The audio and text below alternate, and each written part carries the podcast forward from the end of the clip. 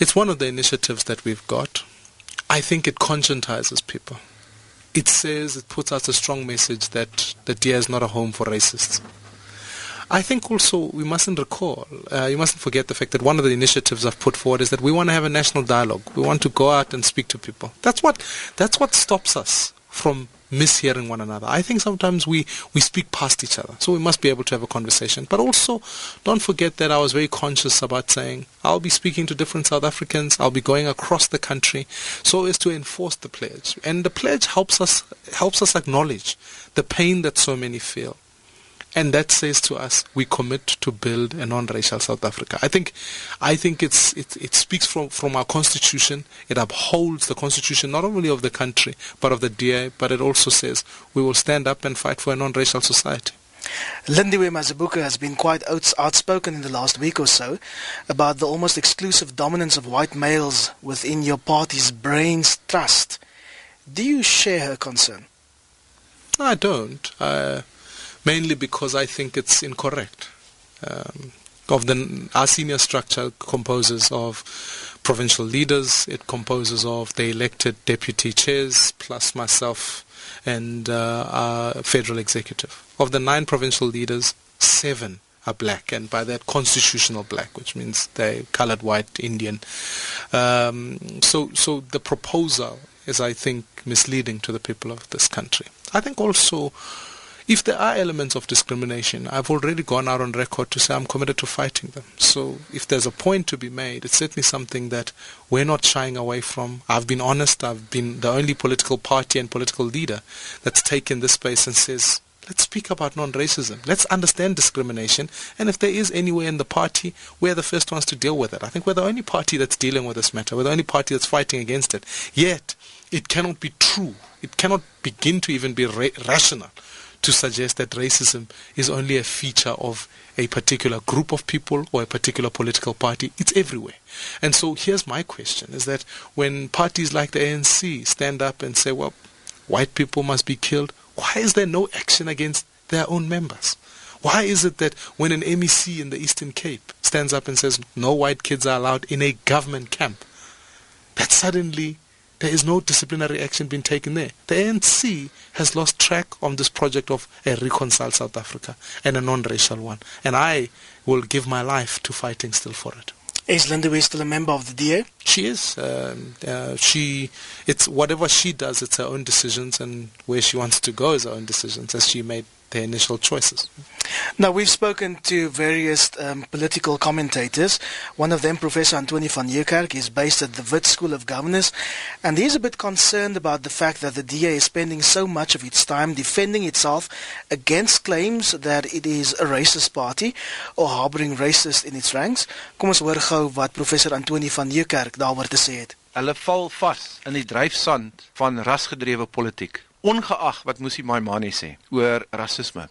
Ongeag wat hy sê, mense vra dadelik, wat bedoel die DA as 'n politieke party? Dit is goeie nuus vir die ANC en vir enige ander politieke party wat nie van die DA hou nie, want daar sit Diane Kohler Barnard en mense vra eenvoudige vrae. Hoekom laat julle toe dat hierdie wit vrou en dan is daar mense wat vra maar hoekom wil daar soveel wit mans wat die klok slaan? Hierdie hele lastige kwessie van wit en swart is nou oopgemaak en dis 'n belangrike onderwerp waar ons as 'n nasie moet gesels. Want rasisme is kennelik nog nie uit ons siege uitgewerk nie. And to link to what Professor Antoni van Niekerk has just said, strategically speaking, Musi, wouldn't it be better to focus on the local issues now instead of fighting this race issue? It's it's not the only focus of our campaign. You can remember the fact that in January I launched a billboard that speaks about unemployment. That is our greatest cause and that is our greatest challenge.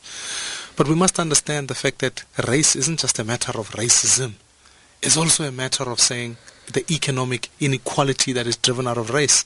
And so we've got to be able to address that. Today, as we speak right now, I'll be marching through the city of Joburg fighting for jobs. And I think we must dare never forget the fact that those who want to make this election simply about race are doing so so as to distract South Africans for speaking about the issue of the economy, for speaking about the drought that has beset us. I was in the Free State meeting farmers there, having a discussion to, with them to say we must go and fight in government to say government must intervene in this issue of drought. So it hasn't been the only issue. It, we've certainly, as I go in even today, the march will be a fight for a fight for jobs, a fight for South Africa's prosperity. As jy nou eens by ons ingeskakel het, goeiemôre, baie welkom by Monitor hier by RSG. Vanoggend in ons ateljee is die DA leier Musi Maimani en die SMS se stroom behoorlik in hier op 34024. Ook baie mense wat tweet um, by Monspek 1 en ZRSG en ook op ons Facebookblad gons dit facebook.com vorentoe skynstreep ZRSG. Kom ons hoor wat jy die luisteraar graag by Musi wil hoor, Isak. Even if you say race is not the only issue, it is the underlying issue if you read the SMSs and messages that we received this morning and someone quoting you, Rex Bester quoting you, uh, you saying SA is a nation born out of racism. There are racists in every party and not just the DA. The ANC also has racists, but it is silent on the issue. I condemn, that is you, Mr. Maimane, racist views in the strongest sense. And then the question of this listener is, how are we as South Africans going to combat racism if the ruling party is part of the problem? Well, that that's why I think all of us must commit ourselves in our communities, in our dialogues, in our dining room tables to say we must fight against racism. That we can't, you know, no child, I think President Mandela said it. He said, no child is born, is born hating. They must be taught to hate. Just like no child is born racist. They must be taught to be racist. We must be in our own homes be able to speak about it in our businesses. Ask ourselves the question: Do we do we portray any sense of patriarch or, or any sense of power over over someone on the basis of race. So that's what we must do this. But secondly, we must fight for an economy that addresses our, our, our legacy. It cannot be right. I think all of us can agree, black, white, Indian and colored, that it can't be right that a child, a black child, has a hundred times more chance of living in poverty than that of a white child. It can't be right. So I think what we've got to do is say to ourselves, coming in these next local and uh, next elections, we must remove this government because if we don't remove the ANC, we'll then fail to to have a party that will stand for non-racialism. As jy dalk van jou vraag vanoggend hier oor in English hoor, bedaar. Ons vertaal van die vraag om dit makliker vir Musi te maak, Isak. Ja, en uh, een van daardie vrae is uh Mr. Maimani, what is your view on criticism that the DA has become an ANC light in view of the fact that you want to remove the ruling party? Won't you just be another ANC according to Chris Barnard? Yeah, there's need of waarheid nie. uh, but all I can say is this, is that we must never forget what the differences between the DA and the ANC are. The ANC is in the main a party that's committed to a big government. They've, we've got the biggest cabinet we've ever seen. The DA has got a proposal how to make our government smaller. We want to make it ministries to be between uh, to be 15. We are the only party that still believes in the rule of law that says that the constitution must reign supreme. President Zuma has gone on record saying the ANC comes first and the constitution in South Africa comes second. We're the only party that's still standing up for a market-based economy. The ANC is saying, look, we want an economy that is state-led. We're the only party that is anti-corruption. The ANC protects those who are corrupt. So we can go through these lists all the time. We're the only party that still stands for a diverse South Africa. The ANC is on a campaign to divide South Africa. So so look at our track record and say to ourselves, how do we govern where we govern? And where we are governing, there's no corruption, there's a diversity of leadership, there's a market based, we open up opportunities for the markets to come through, and we ultimately uphold the rules of the constitution where we govern. Compare that to what the ANC is doing. These are two different worlds, just about. You're talking quite a lot about the ANC. What about, quite possibly, your biggest competition, the EFF? The EFF has never been tested in government, so that's the first challenge. But the second one is, what is the EFF's philosophy? The EFF's philosophy is to nationalize uh, the mines and the banks, etc. Now, when you look at that, you've got to ask yourself the question, will that be beneficial for South Africa's economy? And I don't think so. I think that models of nationalization, Venezuela, the very model that the EFF takes, is that in fact it's failed. Venezuela is in a big crisis. In fact, the ruling party now has been rolled out.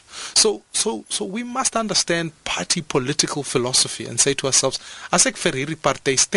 Uh, if I vote for the EFF, then I must know that all I'm voting for is for a controlled state for, for a party that will take over all state assets, control, and I think it's an introduction of an extreme sense of uh, a socialist agenda. Our stance has always been we're market based, we're diverse, and we'll take the country forward. And I think, actually, even in opposition, it hasn't been just about how much you disrupt parliament. It's been fundamentally between how much our, our broad offer. We're the only party in parliament that's been speaking about jobs, fighting for the laws uh, to be changed. We've even for the fees must fall, we fought for the budget to be amended. We're the only party that's putting South Africa first. Dis monitor hier op 100 tot 104 FM wêreldwyd by rsg.co.za. As jy wonder hoekom praat ons juis vanoggend met Musi Maimani, die leier van die DA. Monitor gaan in die aanloop tot vanjaar se munisipale verkiesings later vanjaar met verskillende politieke leiers praat. Ons het verlede week gepraat, jy sal onthou, met Prins Mangosuthu Buthelezi van die Inkatha Vryheidsparty en ons gaan jou so stelselmatig bekendstel aan die verskillende politieke leiers. Nou Musi, success in municipal elections has served the DA well in the past. It's proven to be quite a springboard for your party. Are you solely focusing on the metros this year? No, no, no. We've got to retain uh, where we govern.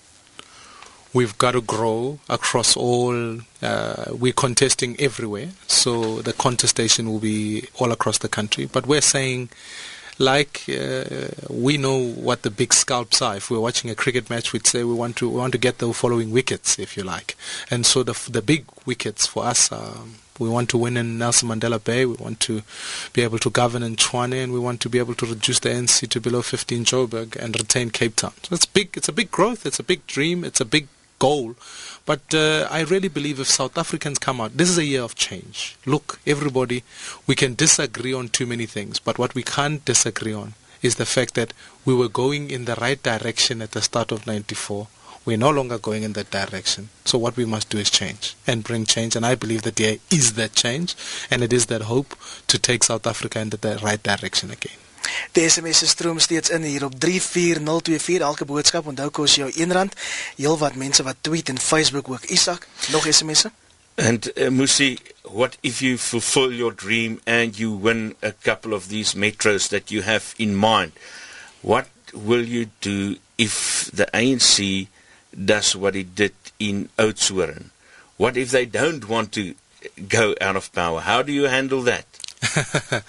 Well, uh, I think the first problem is you've got to get in there and uh, and win first. But the second issue is we, we've become quite clear that the ANC wants to always run campaigns that are ungovernability. So I don't expect that the first year in government will be easy because the ANC uh, we've seen that even in Cape Town we've had difficulties. But here's the key issues. When you're a party of institutions, you make sure that you protect those institutions. You make sure that you use the legal avenues that are available to you, as we did in Oudtshoorn. And we're not going to get into a street fight where we suddenly want to have fights between people. We've got to use the institutions. But that furthermore, I want to appeal to the people in the ANC who still believe in democracy. Because if I recall, you know, in 1994, the ANC didn't say we want to win power so we stay in power forever. It's only a recent thing that President Zuma said that they will govern until uh, uh, Jesus Christ comes back, if I can say that. That was his whole thing.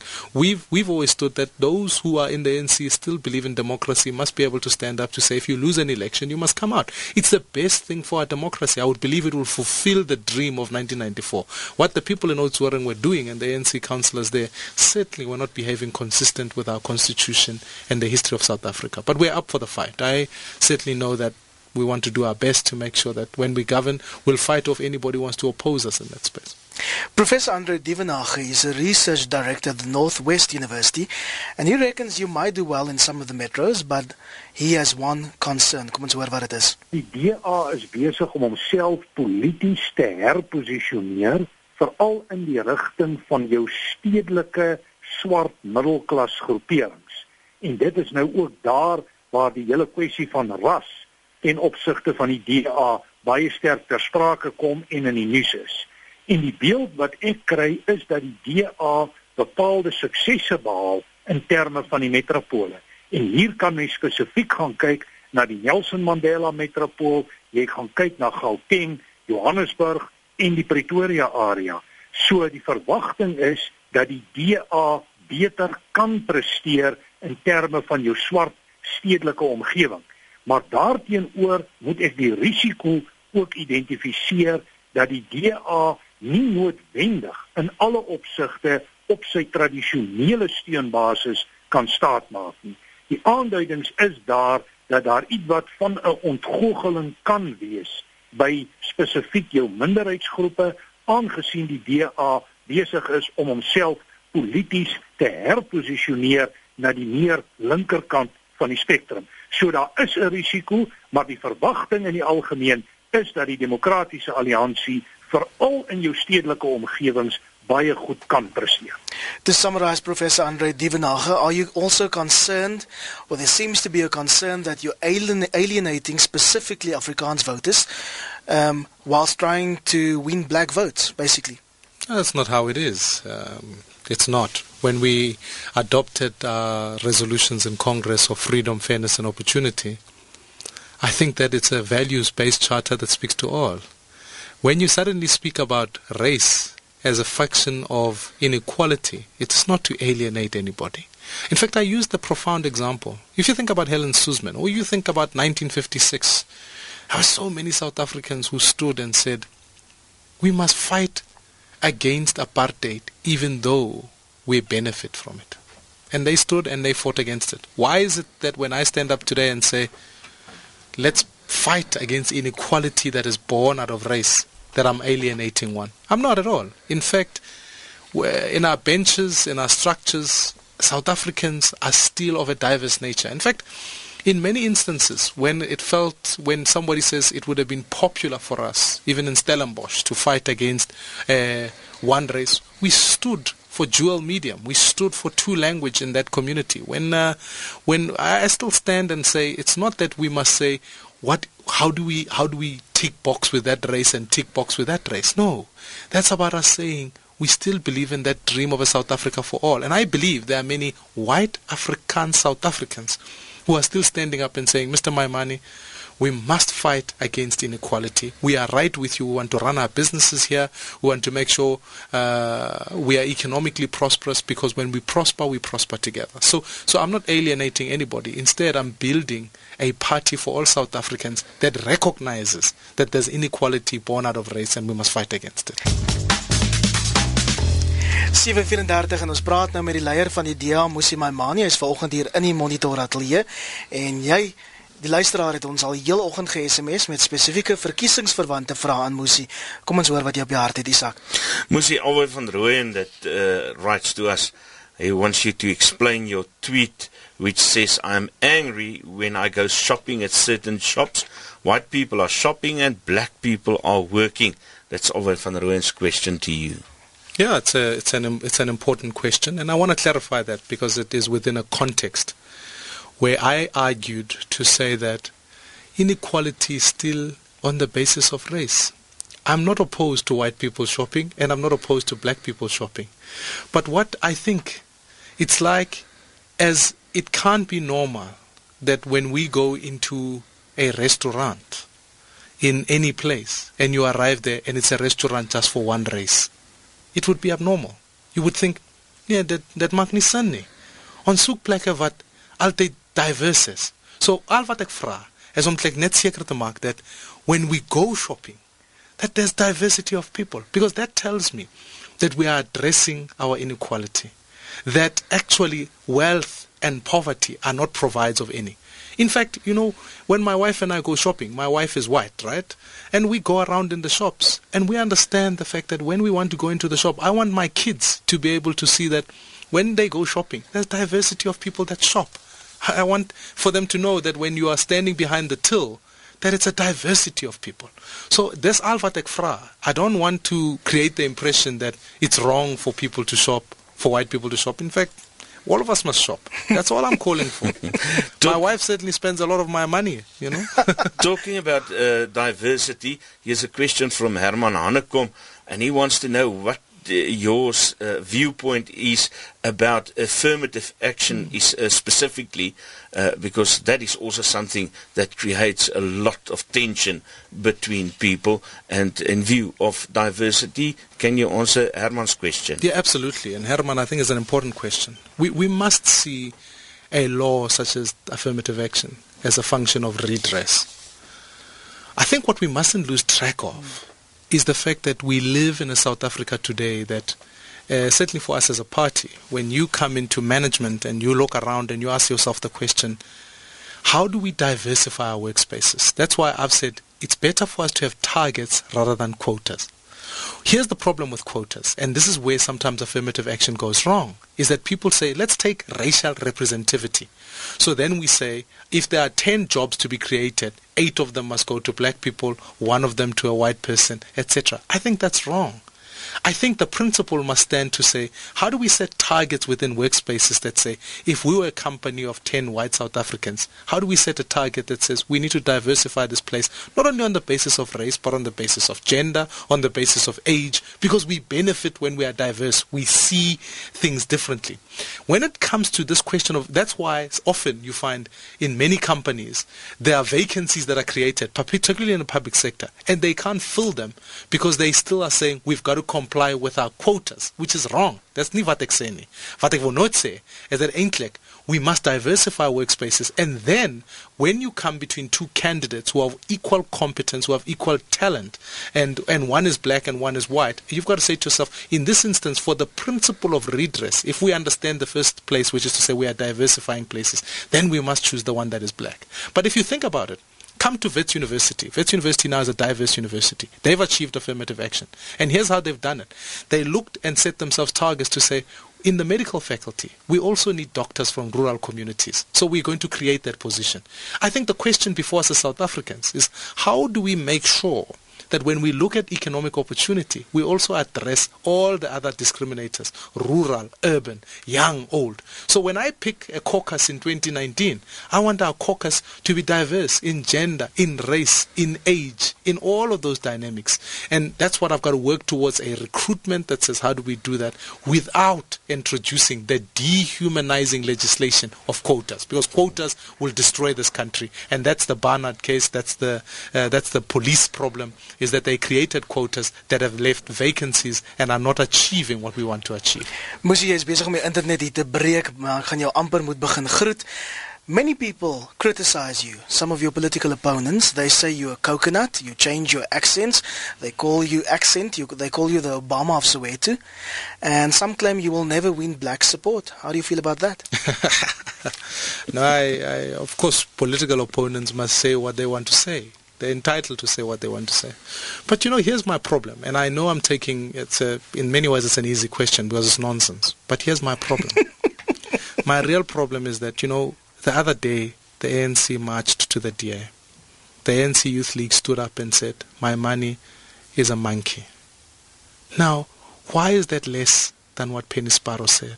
Why do we have, as South Africans, this distinguishing feature that says black people can't be racist. Whereas clearly, in my view, that is no different to what Penny Sparrow says. Just because a black person says it doesn't make it less offensive. And I think where we've got to get to is that this the ANC, whenever they they can't win anything in parliament, suddenly ah you are a coconut. Or I've been attacked for being married to a white South African, as if that breaks the law and it's anti the constitution. I've been attacked in many instances for, for, for, as you say, that I'm just a front for, for white people. Because what the ANC is, they don't have credibility on the economy, they don't have credibility on fighting corruption. So all they can say is stand up and say, ah, but my money is just a black puppet because they can't stand up. They haven't brought ideas. So yes, in some ways, you know, when when when you are doing the right thing, you must be criticized. Otherwise, you're not changing anybody. And when your political opponents believe that the only place they can attack you is to create fictitious non-truths, then I think as well I must take that and recognize that they fail to argue against the, the, the arguments that we put on the table.